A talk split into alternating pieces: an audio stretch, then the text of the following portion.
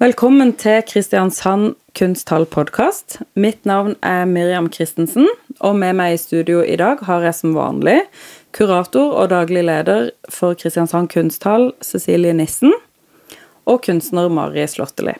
Velkommen. Takk, takk. Og så pleier vi, Cecilie, å starte med eh, sånn Hva skjer i kunsthallen nå? Og, og hvorfor? Kanskje Hvorfor? ikke hvorfor, men ja.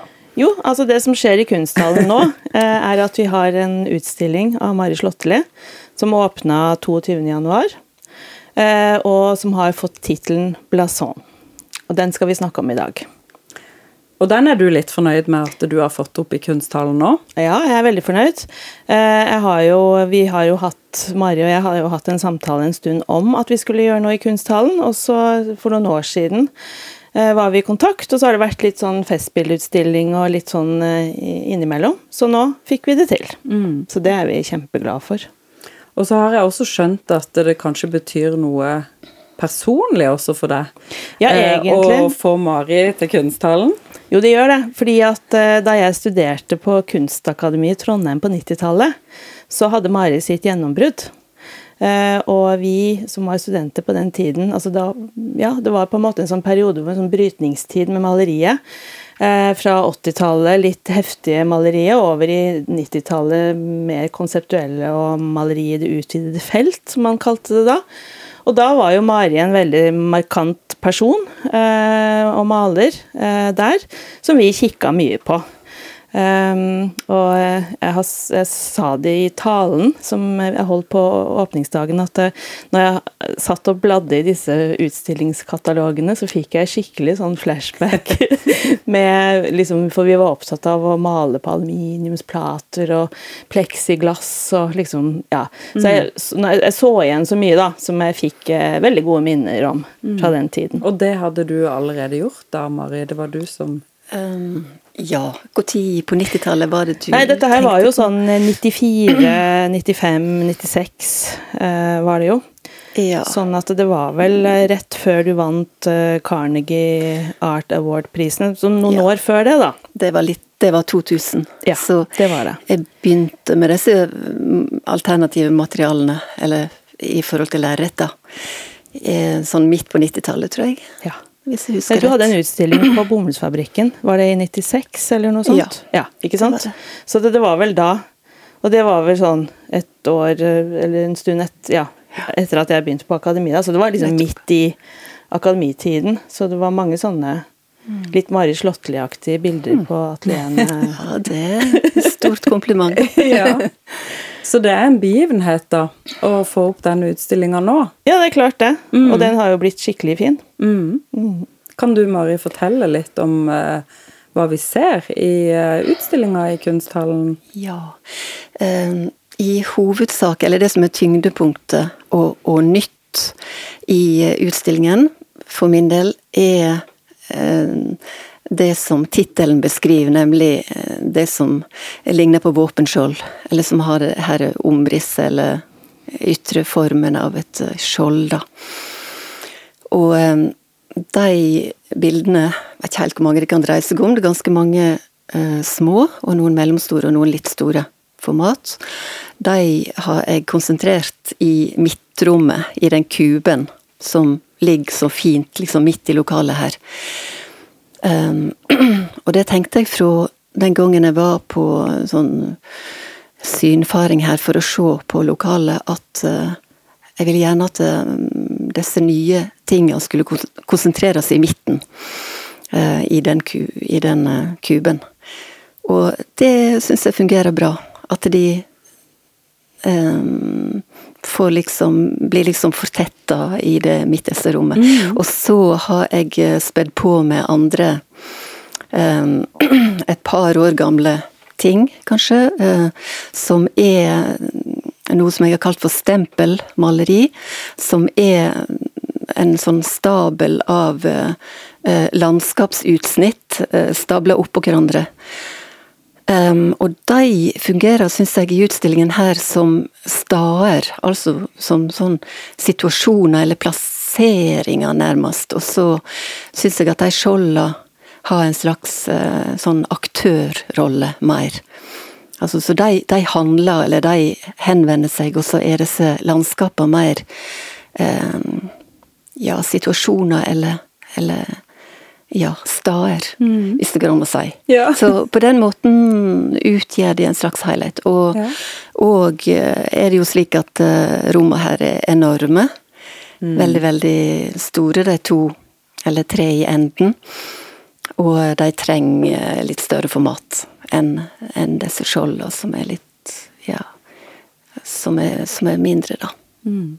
Vi pleier alltid å komme inn på, på utstillingsrommene ja. når vi mm. snakker om utstillinger i kunsthallen her i Kristiansand. For de er, det er store og nokså spektakulære rom. Ja, de er helt spesielle. Og eh, det er god grunn til å snakke om dem. Ja. Um, ja, det var overveldende da jeg kom for å se, og jeg eh, har hatt litt uh, angst i forhold til de størrelsene her. og det er ikke uvanlig. Nei. Altså det skjer jo, det har vi jo snakka om før, at, eh, mm. at, det er ofte det at kunstnere kommer, og så ser de rommet, og så blir det litt sånn Oi, mm. gud, nå skal jeg greie å fylle dette her. Og så går det veldig bra, fordi altså det er liksom noe med at i og med at det er en del arkitektur der også, mm. så skal det egentlig ikke så mye til før det begynner. altså Man trenger ikke å pakke det med, med bilder eller eh, Det skjer eller veldig mye. Det skjer ganske mye i det mm. du begynner å henge ting på veggen, da. Ja. Mm. Så jeg var ikke bekymra. Nei, du var ikke det. Jeg var ikke det. men, men du, må, du, må, fortelle altså Blason, her skal vi si det sånn med sånn fransk aksent? Det er et fransk ord? Det går godt an å si blason òg, syns jeg på norsk. Ja. For det er sånn du skriver det. Um, ja, hvorfor det? Ja, det Kan kom? du si noe om hva det betyr, og hva, det, mm. hva slags begrep er det? Um, det kommer av Eller um, det, det, er en betegnelse for uh, selve våpenskjoldet, kan være. Og det òg uh, uh, Det kan òg uh, vise til uh, hvordan en beskriver våpenskjoldet, og det kan vise til innholdet. Uh, så det, det, kan bety Det viser til flere ting. Men eh, på norsk har vi et ord som heter blasonering, og det, betyr, det er ordet for um, um, den type beskrivelse som en tar i bruk for å, å um, ja, benevne de enkelte delene av Eller altså innholdet det visuelle innholdet i et, et skjold. Så blason er forkorting av dette av blasonering, og jeg syns det er et fint ord. Det er litt, et litt fremmed og kort og, og Ja, jeg syns det det høres bra ut, og det ser bra ut. Det er et vakkert ord ja, i seg sjøl, bare. Selv om man ja. ikke vet hva det betyr, Nei, så blir altså, man litt nysgjerrig, da. Ja, og mm. det Jeg var veldig ukjent med det ordet fra før, altså. Ja, det var, ja. Uh... Det var jeg òg. Ja. Men um, Men du har sagt noe fint, altså du sa noe fint om, uh, om at du ønsket deg et maleri som uh, snakket på denne dette blasoneringsviset. Altså, mm. du, eh, husker du hva du sa? Du kan si ja. det selv heller, jeg har det her, men du kan si det selv. Nei, jeg er litt uh, fascinert av uh, måten den der fastlagt og litt sånn normerte, normerte måten en skal snakke En skal beskrive et våpenskjold på. den det er, en, det er, en, helt bestemt måte og en bestemt rekkefølge. En begynner med bakgrunnen, og så eh, nevner du figurene. Eh, og, og en sier f.eks. en gull løve. Så gull eh, er ikke Altså, du vil jo i normalspråk si ei gullfarga løve, mm. men du sier da ei gull løve. Og disse forkortingene og ja, så Du begynner med bakgrunnen som f.eks. sånn på rødt, en gull løve. Ja. ja. Så det, det, er veldig effektivt, og, og, det er internasjonalt, så det, mm. det, er liksom et eget språk. Og det fascinerte meg at at um, um, Altså en, en, vil, en, heraldiker vil kunne omsette en sånn beskrivelse til visuelt uttrykk. Og for en bilkunstner er jo dette her veldig interessant. At det går an å beskrive at det er Hva heter det eh, Samsvar mellom eh, det verbale og det du ser. For ellers så snakker vi jo veldig sånn løst og fast og, og spekulativt omkring hva et bilde er. Ja. Kanskje en kritiker f.eks. vil jo kanskje begynne med å beskrive hva vi ser, og så vil han kanskje legge inn si fortolking, og det, det er veldig vagt og, og, og, mange muligheter i hvordan en går inn i det. Men en, et, et, et, å beskrive et våpenskjold er veldig presist. Ja, men så er det på en måte en, hos deg, da. Ja. I dine bilder så er det en sånn litt mer kryptisk bit her. fordi at du har jo valgt å ikke bruke eh, motiver. Ja. Nesten bortsett fra ett, da, kanskje. Men altså, gjennomgående så er det ikke motiver i Nei disse Så, så den her fascinasjonen for eh, korrespondansen mellom verbalspråk og, og det du ser, det var, det var bare en av grunnene til at jeg gikk inn i dette her. Men når jeg da kom så langt som at jeg tenkte muligheten for å male skjold i olje som maler, altså jeg bare bestemmer meg for den formen, og så agerer jeg på en måte som maler inni, innenfor de rammene. Ehm, da måtte jeg ta stilling til om jeg skulle fylle det med noe eller ikke.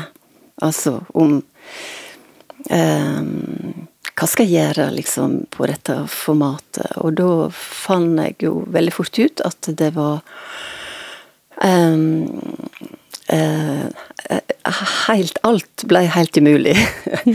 altså, sant eh, Ting og tang kan puttes inn på en sånn skjoldflate og være symbol for en eller annen klubb, fotballklubb, eh, et lag, eh, en familie, hva som helst.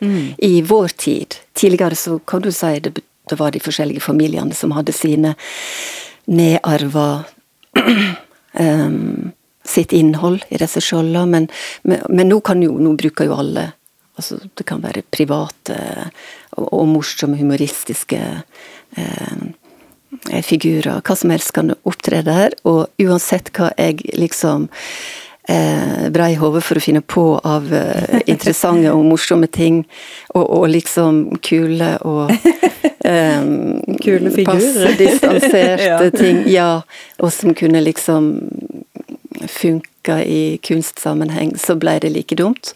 Så det endte med at jeg måtte eh, Nei, at jeg, jeg skjønte at jeg, det jeg kunne gjøre, det var å forholde meg til selve formen og eh, vri og vende og åpne og lukke den i seg sjøl, altså.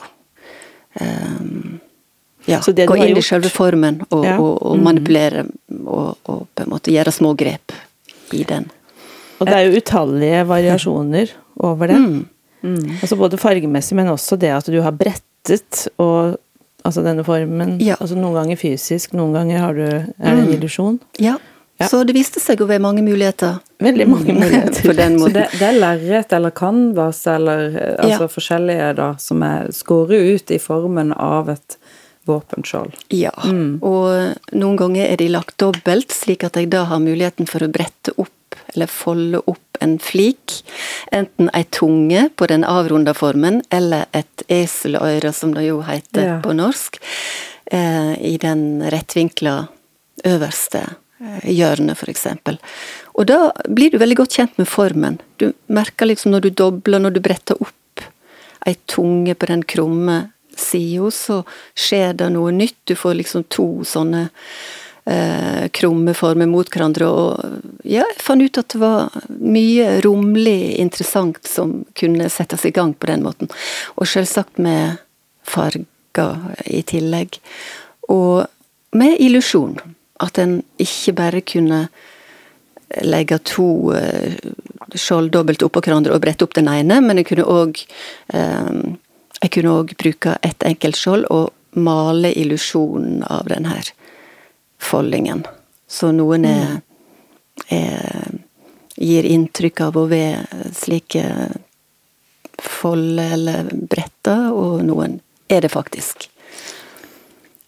Ja. Altså, vi har jo eh, spurt deg om du har noen litterære eh, Altså, hva slags litteratur du omgir deg med, holdt jeg på å si, i ditt kunstnerskap. Og da la jeg merke til Inger Christensen sto på den lista. Og jeg tenker veldig på Inger Christensen når du snakker. Ja. Fordi at den, det å ha en form, å ha en ferdig form, var jo noe av det som dreiv uh, flere av hos sine verk.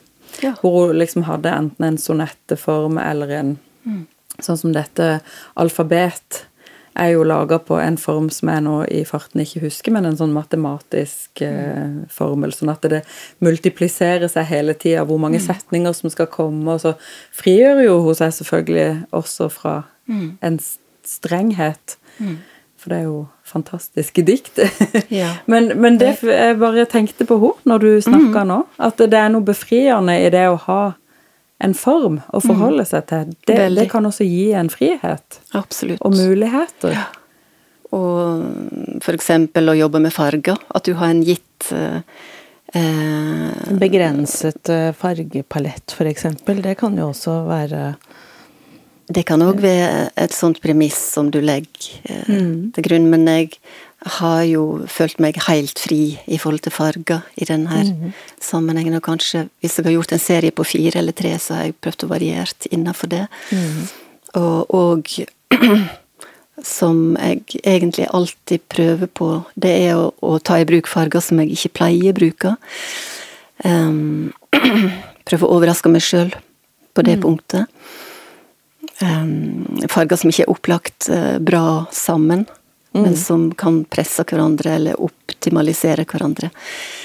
Um, men det er fint at du nevner Inger Kristensen. Ja. jeg, jeg har vært veldig glad i henne, og jeg har brukt jeg har siter, jeg brukt et sitat fra et av hennes dikt, det er vel fra Alfabet, som utstillingstittel en gang. Ja. 'Navnene finnes'. Mm. Det, Nei, den eh, konkrete holdningen hun har til eh, konkrete ting, og til eh, måten hun eh, forplikter seg på eh, vitenskap og naturfag, og slike ting, og, og liksom eh, ha det eh, som en grunnleggende ting, og så eh, eh, frigjør seg i løpet av eh, teksten, liksom. Det er veldig flott. Mm.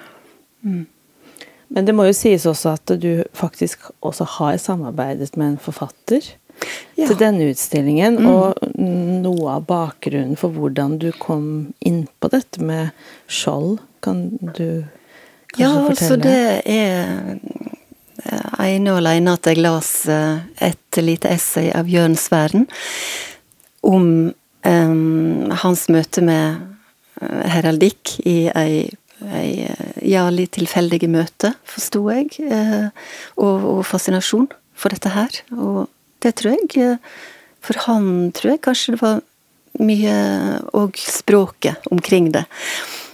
Men eh, han, han skriver veldig fint om det, og dette la seg for eh, to år siden, kanskje.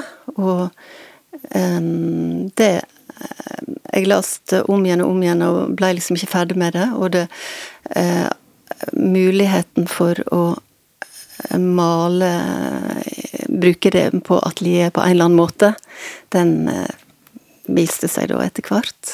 Og um, jeg tok kontakt med han etter, nå i forkant av denne utstillingen, faktisk. Jeg kjente han ikke fra før. Og, Um, og da hadde vi en veldig fin samtale på atelieret omkring disse tinga, og ehm, han eh, hadde noen sånne eh, intuitive reaksjoner da som ble eh, viktige for meg i utvalg og videre arbeid.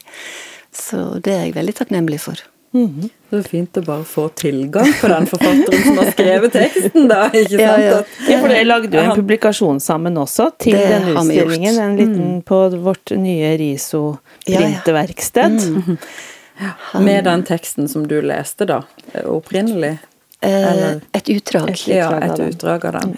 Ja, for det, for en forfatter så er jo dette heraldiske språket, hvis, er det sånn man kan si det, så, så er jo det litt sånn samme type som vi snakka om Inger Christensen, det der med å på en måte eh, sette opp noen rammer eller premisser, eller at det er noe som er veldig sånn strengt, da. At her er det visse regler å følge. Eh, at alle de tingene ofte motsatt av det man skulle tro. For det er når folk tenker at uh, kunstnere og forfattere sånn, de er så sykt kreative, og det bare mm. bobler liksom over og sånn. Men, men, veldig ofte er jo det en sånn kraft man skal forløse på et vis. Ja, ja, ja. Og hvordan gjør du det? Hvordan kommer du fram til det punktet hvor du kan uh, gjøre de her tingene? Veldig godt poeng. Og da kommer de re strenge regler, kan jo plutselig være eh, kjempeviktige. Mm. Være, altså Kunstnere kan jo være virkelig rigide på en måte, sånn sett, mm. innenfor sitt kunstnerskap. da. Rigide og, og uh, offer for det å gjenta seg sjøl, ja. og at en, mm. en har liksom eh, manerer. Mm. Eh, som maler så tyr du til de samme grepa, de samme fargene. Mm. Uten at du tenker over det, så gjentar du deg sjøl. Mm. Så det er veldig bra med, med den type ramme. Ja og, og begrensninger. Og det skjoldet at jeg opplever at jeg ikke kunne Ja, at jeg kunne gjøre ganske lite. Ja. Og jeg jobber òg med, med, med hva skal jeg si, store vanskeligheter mm. med dette her. Mm. Det var ikke noe lett, og, og helt fram til um, dette forfatterbesøket på atelieret, så var jeg veldig uh, usikker og, og, i tvil. Eh, for det første om eh, sånne våpenskjold eh, om jeg kunne servere dette her, liksom, i kunstsammenheng. Det var veldig det, Men det syns jeg òg var ei utfordring, at et, et, et, et, tema eller et om sånn, hva skal jeg si, fenomen um, um, som ligger så fjernt fra kunstsfæren, uh, da. Mm. Og, og, som er så på en måte um, tvilsomt i sånn moderne forstand, da, og sant, med den her tilknytningen til aristokrati og, og ja eh, ja, krig og alt slags ja. ting som en ikke liker. Så eh, nei. Mm. Men å holde fast på det og prøve å likevel eh, skvise ut av det noe mm. eh, som eh, kunne føre til et interessant billedstoff, mm. det, var, det, var, veldig Jeg er glad for at jeg ikke bare ga det opp, men jeg har holdt på å gjøre det mange ganger. Litt sånn tvinge seg sjøl videre, på en måte? Ja, ja, mm. absolutt. Og det kan det komme ting ut av. Ja. Jeg har veldig tro på det. Mye mm. mer, som du antyder. Jeg har vel så mye tro på det som sånn fullstendig frislipp, og her skal jeg utfolde meg sjøl. For det en gjør da, er å um, gjenta mm. det du har gjort før. Ja. Og jeg prøver Jeg gjentar selvfølgelig òg uh, det jeg har gjort før, og, og disse nye skjolda kan minne om noe som jeg kalte Tiepolo-serien okay. tidligere. Mm. Så en affinitet til sånne eh, sterke farger eh, opp mot hverandre. Colorfield eh, eh, med liksom sterke fargeeffekter. Det går igjen hos meg, tror jeg. Så mm. der, eh, klart, en har ting som en har en tendens til å, å falle ja, for Da kan vi gå litt tilbake i tid, egentlig. For jeg er litt nysgjerrig mm. på, på um, um, For vi har jo en sånn Altså vi jobber jo med maleri da, litt her mm. i kunsthallen. Altså vi har hatt en sånn satsing på det en stund, altså iallfall siden 2018. Og kommer til å fortsette med det fremover også. Og, um, og innledningsvis så snakket vi jo litt om, uh, om 90-tallet. Og, eh, i denne utstillingen her så har du jo med en del bilder som du kaller for stempel. Mm. Og de begynte du vel faktisk med i 96, til den utstillingen på Bomullsfabrikken som, eh, som, vi ble så opptatt av. Um, også, men før det, da, så hadde du Altså, du har jo en utdannelse fra Düsseldorf, blant annet. Um, ja, det var ett år. Ja, men altså du var altså du malte helt annerledes. altså Du hadde et vendepunkt, og det har jeg litt lyst til å høre om. altså Hvordan det skjedde, og når det skjedde. Mm, jeg fikk eh, Jeg fikk førstedatter mi i 92. Og var hjemme i to år. Og når jeg da begynte på igjen, så prøvde jeg å finne fram til andre metoder og måter å jobbe på. Så det var et naturlig, det var et naturlig opphold, og så kunne jeg da stupe inn i det fra en annen kant når jeg Mm. skulle i gang igjen. Og det gjorde jeg òg. Ja, for det var ganske sånn der mm, brå, eh, brått Ja, ja, skifte. det var Altså, det var ganske sånn heftig, for jeg har jo sett noen av de eldre maleriene dine. ja. Som er ganske sånn heftige landskapsmalerier, eller ekspressive Heftige er kanskje feil ord, men de er ganske ekspressive. Ikke da, så sånn- heftige, for de er Nei, så små. De er veldig små, og de er, eh, men, Ja. eh, men de er ekspressive i hvert fall, da. Ja. Og altså, selv om du ser jo, du kjenner jo igjen, men, men derfra til at det ble ganske sånn eh, Ja, og etter hvert også så var det jo Altså når du nevner Colorfield eksempel, så var jo det også noe du begynte med på den Ja, tiden. det var det. Ja. Og um, jeg ville bare prøve å plassere meg eh, en helt annen plass enn jeg hadde vært.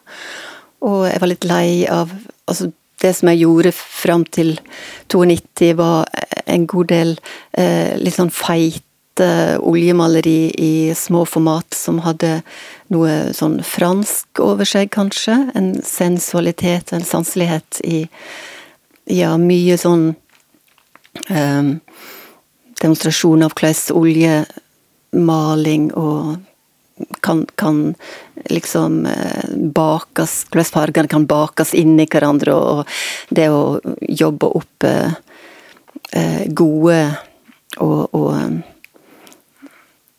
Ja, liksom Ja, gode flater i oljefarge. Det var det, var det jeg jobba med, og det var moro, det.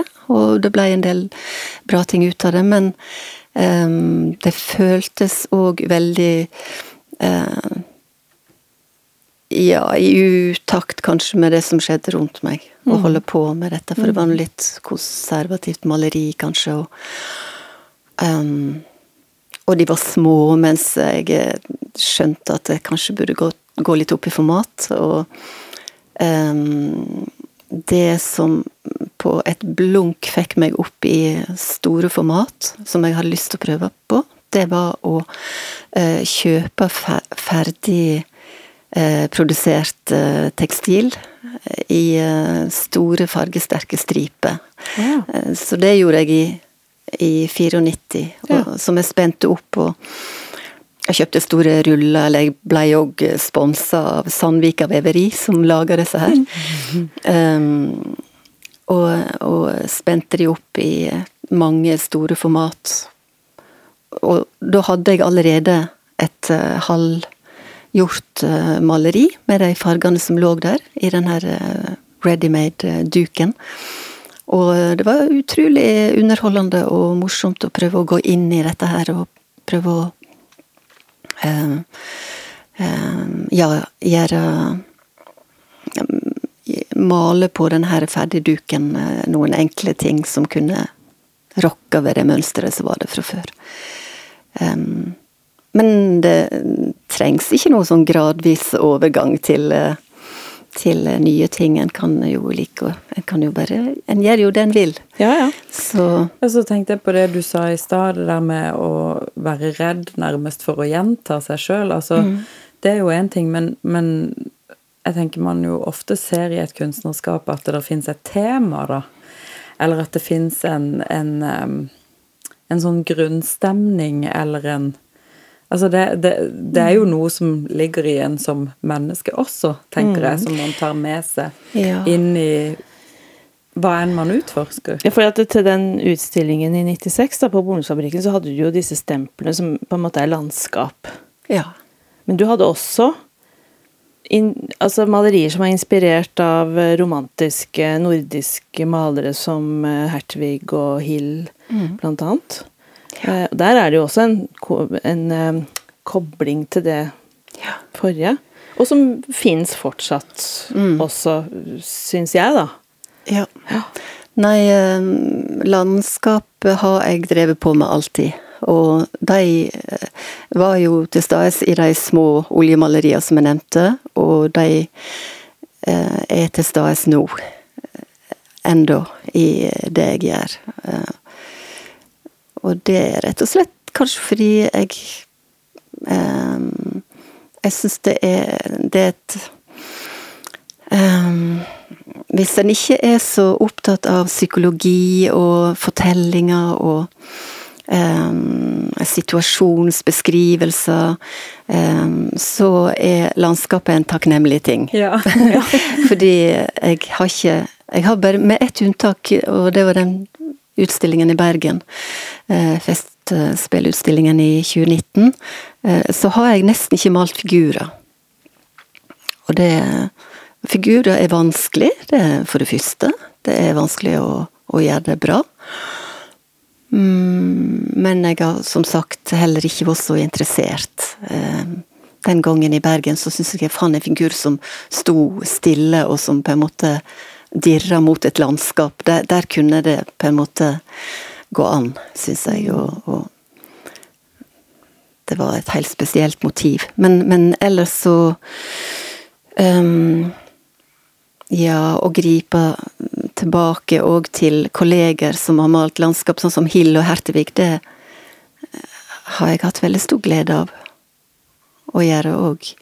Så den typen, og den typen sitering var det jo mye av eh, mens jeg eh, utdanna meg, og etterpå.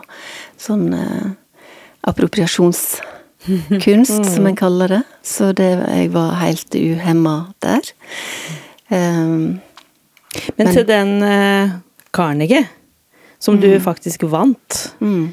i 2000 som én av to norske kunstnere som har vunnet. Mm. Den andre var Dag Erik Elgin, som vant siste gang den var.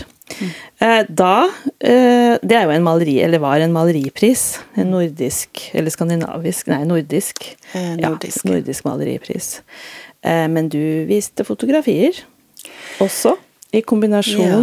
med mm. men, men, si noe om det, for fotografi Jo da, det var fotografi, men eh, det var malt. Ja, jeg har brukt foto på ulike måter. Jeg har jo projisert fotografi og malt etter det. Så jeg har brukt det på den måten. Og jeg har òg um, Som i det Carnegie-prosjektet som heter Protective, så um, hadde jeg um, en modell som ble avfotografert, og som jeg malte med ansiktsmaske i ansiktet, altså på selve modellen, og så avfotograferte vi dette her. Så jeg eh, opplevde det som et slags male, maleriprosjekt, fordi jeg jobba direkte på modellen med hvit farge som var ansiktskrem, da. Um, men så ble dette avfotografert, så sluttproduktet var jo fotografi. Mm. Mm, men du så, hadde det i kombinasjon med noe annet? Ja, den gangen så hadde jeg òg Jeg hadde fire fotografi, og så hadde jeg fire maleri. Um, med, som tok utgangspunkt i sånne øyeskyggeduoer duo, med, med farge. Og um, to farger med veldig eh, liten valørforskjell, kanskje, eller kulørforskjell. Og så fant jeg fram til, i reklamemateriell for Chanel, så fant jeg fram til ulike eh, karakteristikker av kvinner, altså sophisticated, elegant, sports og active. Det var fire typer eh, dame, dametyper, da, som de appellerte til, og mm. som de um, Ja, som jeg da så muligheten for å tillegge fargepar. Så jeg uh, kombinerte ulike fargepar med, med hvert sitt av disse ordene. Så det ble en påstand. Da er du jo tilbake i heraldikken. Da er du oh, yes. Fordi at ja. Eh, det er jo litt det derre korte eh, språket som veldig sånn konsist, da. Skal bare si ja. veldig, veldig For du skal oppfatte det veldig fort, liksom. Nettopp. På, ja. Påståeligheten ja. i liksom det ene ordet, og påståeligheten i de to fargene. Mm. Og at publikum, eller de som ser da, blir Kjem i en, kjem i en situasjon der du sjekker ut om dette stemmer. Mm. Om det er samsvar mellom um, ordet og det du ser. Og det er selvfølgelig ikke noe samsvar, altså. Det er ikke noe Det er ikke noe tvingende i, i dette i den påstanden i det hele tatt, og du kunne like godt, kanskje like godt få to andre farger til det ordet. Mm. Uh, men uh, men det som er interessant for meg, det er hvordan eh, bildet da overtyder eller, eller retorisk liksom får deg til å se at de to fargene er de mest sofistikerte, de andre to er de, er de sportige, og du godtar det. Mm. Um, og det er interessant. Mm. At det fins en sånn overtalelses Overtydingsevne i bildet. Mm. Ja. Og i, i, bildespråk satt opp mot hverandre òg. Mm. mm. Jeg har lest at du av og til blir omtalt som en filosofisk og verbal kunstner. Eh, for det, altså Nå har jo du snakket mye om eh, maleriet ditt som at det handler om altså, Eller for meg så handler det om grunnleggende sånne maleriske problemstillinger som farge og overflate og materialitet og, og sånn type ting. Men det tar også opp, som vi er inne på nå, da, at du også tar opp ting utenfor maleriet. Eh, og hvor du da ofte kanskje benytter deg av tegn og symboler mm. Mm. og tekst. Har du gjort også? Jeg tror at det dreier seg om å være følsom for språk, rett og slett. Ja, ja. Og det er det maleriet òg dreier seg om. Og mm. alt maleriet skal ha en god idé. Sjøl altså ting Med en gang du involverer tekst, en tekst, så har en, eh, en, tendens til å si at det er konseptuelt maleri. Eller eh, Det får en slags sånn tørrhet over seg, en sånn slags, slags uh, um, Ja, uh, kanskje noe uh, mer tenksomt over seg. Men jeg har eller jeg er jo ikke filosof på noen måte. Ikke av utdanning og ikke som type, altså. Men jeg er, tror kanskje at jeg er litt følsom for språk. Og, og for farge, og for eh, det jeg ser. Så da er det naturlig å, å tenke med alle og sjonglere med alle disse tinga samtidig. Og da kan resultatet bli Eh, noe som er mangetydig, og eh, som jeg da finner interessant, og som noen kan finne på å kalle filosofisk. Men jeg eh, tenker vel bare at en godt kan Et alminnelig liksom reseptivt menneske kan kan, kan tenke seg fram til og spekulere seg fram til disse tinga. Sånn som de øyenskyggetinga, de var jo eh, noe som slo meg, fordi jeg omgås jo med disse tingene. Jeg, jeg, jeg, kan finne på å kjøpe sånne nydelige små sminketing, og da er det jo et, et funn for, for et mulig maleri sånne sterke eller utrolig nydelige fargepar nedfelt i svart mm. plast, liksom. Det, det, det, er bare veldig, veldig Ja, det åpner seg en mulighet der mm. for meg. jeg har jo lest et par av de tekstene du har skrevet sjøl, og da er det jo kanskje kjedelig å få sitert sånn, da, men, men der, et sted så skrev du 'Smartness må gå i skjul'. Mm. Det smarte er forgjeves. Du overskåder aldri og rår ikke over hva arbeidet tyr. Mm. Og det er kanskje litt sånn at noen tenker at hvis det står noe tekst på et maleri, så har du liksom Å ja, det er det det betyr, Skjønte. på en måte. Men ja. da har du Altså at det er en, en, forklaring, liksom, med en gang det kommer språk inn i bildet. Men, mm. men det er jo en veldig sånn reduksjonistisk måte å se det på, tenker jeg, da. Men jeg syns det var så utrolig godt sagt at det, liksom, det smarte må bare mm. det, det, det, det nytter ikke å være smart. Nei, altså en gang iblant så kan en jo føle seg eh, smart òg. Eller en kan være glad for en Det kan komme til en noe som kan vise seg å ha muligheter og være på en måte litt uh, uh, smart, men, mm. men, men, det er jo ikke så ofte. Um, nei. Nei, og så tenker jeg det Altså, litteraturen er jo Man tenker jo ofte at uh, altså, alt er veldig åpent, på en måte, i møte med maleriet. Men det kan det jo også være i møte med språk. Mm. Uh, og når du liksom river språket løs fra, fra sånn tekst og, og bok, med, og det opptrer i maleriet, så er det jo noe annet, mm. tenker jeg. Det er ikke mm. nødvendigvis filosofi ja. Av den grunn, eller altså Nei. Det at du, du, river løs elementer, da, og setter mm. sammen. Mm. Og eh, ja, det kan være, det kan være veldig korte ting. Det kan mm. være enkeltord. Eh, lange tekstbrokker og sånn har jeg mer problemer. Altså, det tror jeg kanskje eh, å, å, inkludere det i, i maleri har jeg ikke prøvd. Jeg, jeg tror kanskje eh, Det må gjøres litt forsiktig. Ja. og, ja. En, en, må prøve seg frem. En må gjøre det før en veit om det fungerer. Mm. Så en kan ikke heller gi noe oppskrift på hva som mm er mulig. Ja. Nå har vi snakka mye om maleriet generelt, men mm. eh, Mari, eh, våpenskjold og heraldikk, er det noe du kommer til å fortsette med? Altså blir det bare masse våpenskjold, eller?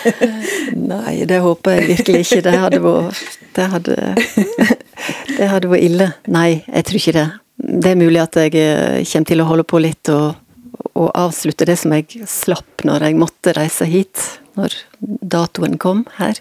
Mm. Så var det en del ting som var uferdige, så det kan hende at jeg prøver å hale i land. Men, eh, men eh, Nei, jeg har nå syns det er moro å begynne på noe helt annet. Mm. Etter hvert prosjekt og um, Så det behøver ikke være sånn heller at en hvert prosjekt biter nest i halen. Det kan godt være eh, stor avstand ja. fram til. Du har skrevet noe som jeg liker veldig, veldig godt. Det meste av det du har spart på, kan du legge att.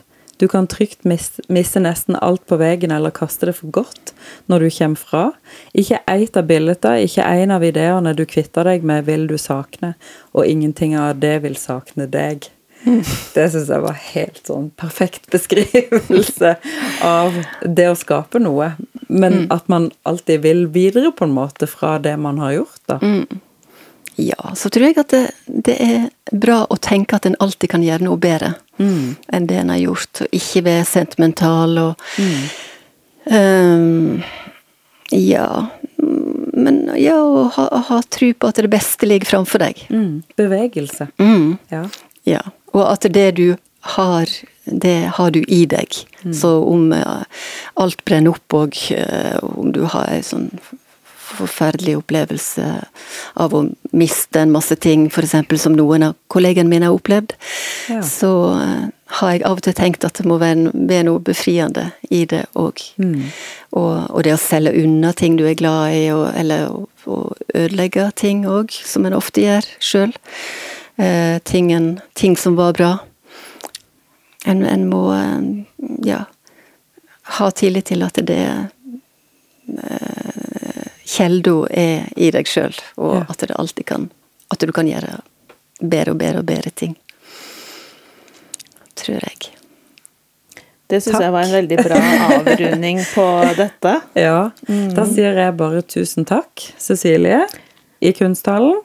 Og takk til deg, Mari Slåtteli, for at du kom mm. og spilte inn den samtalen med oss. Sjøl takk. Takk til deg også.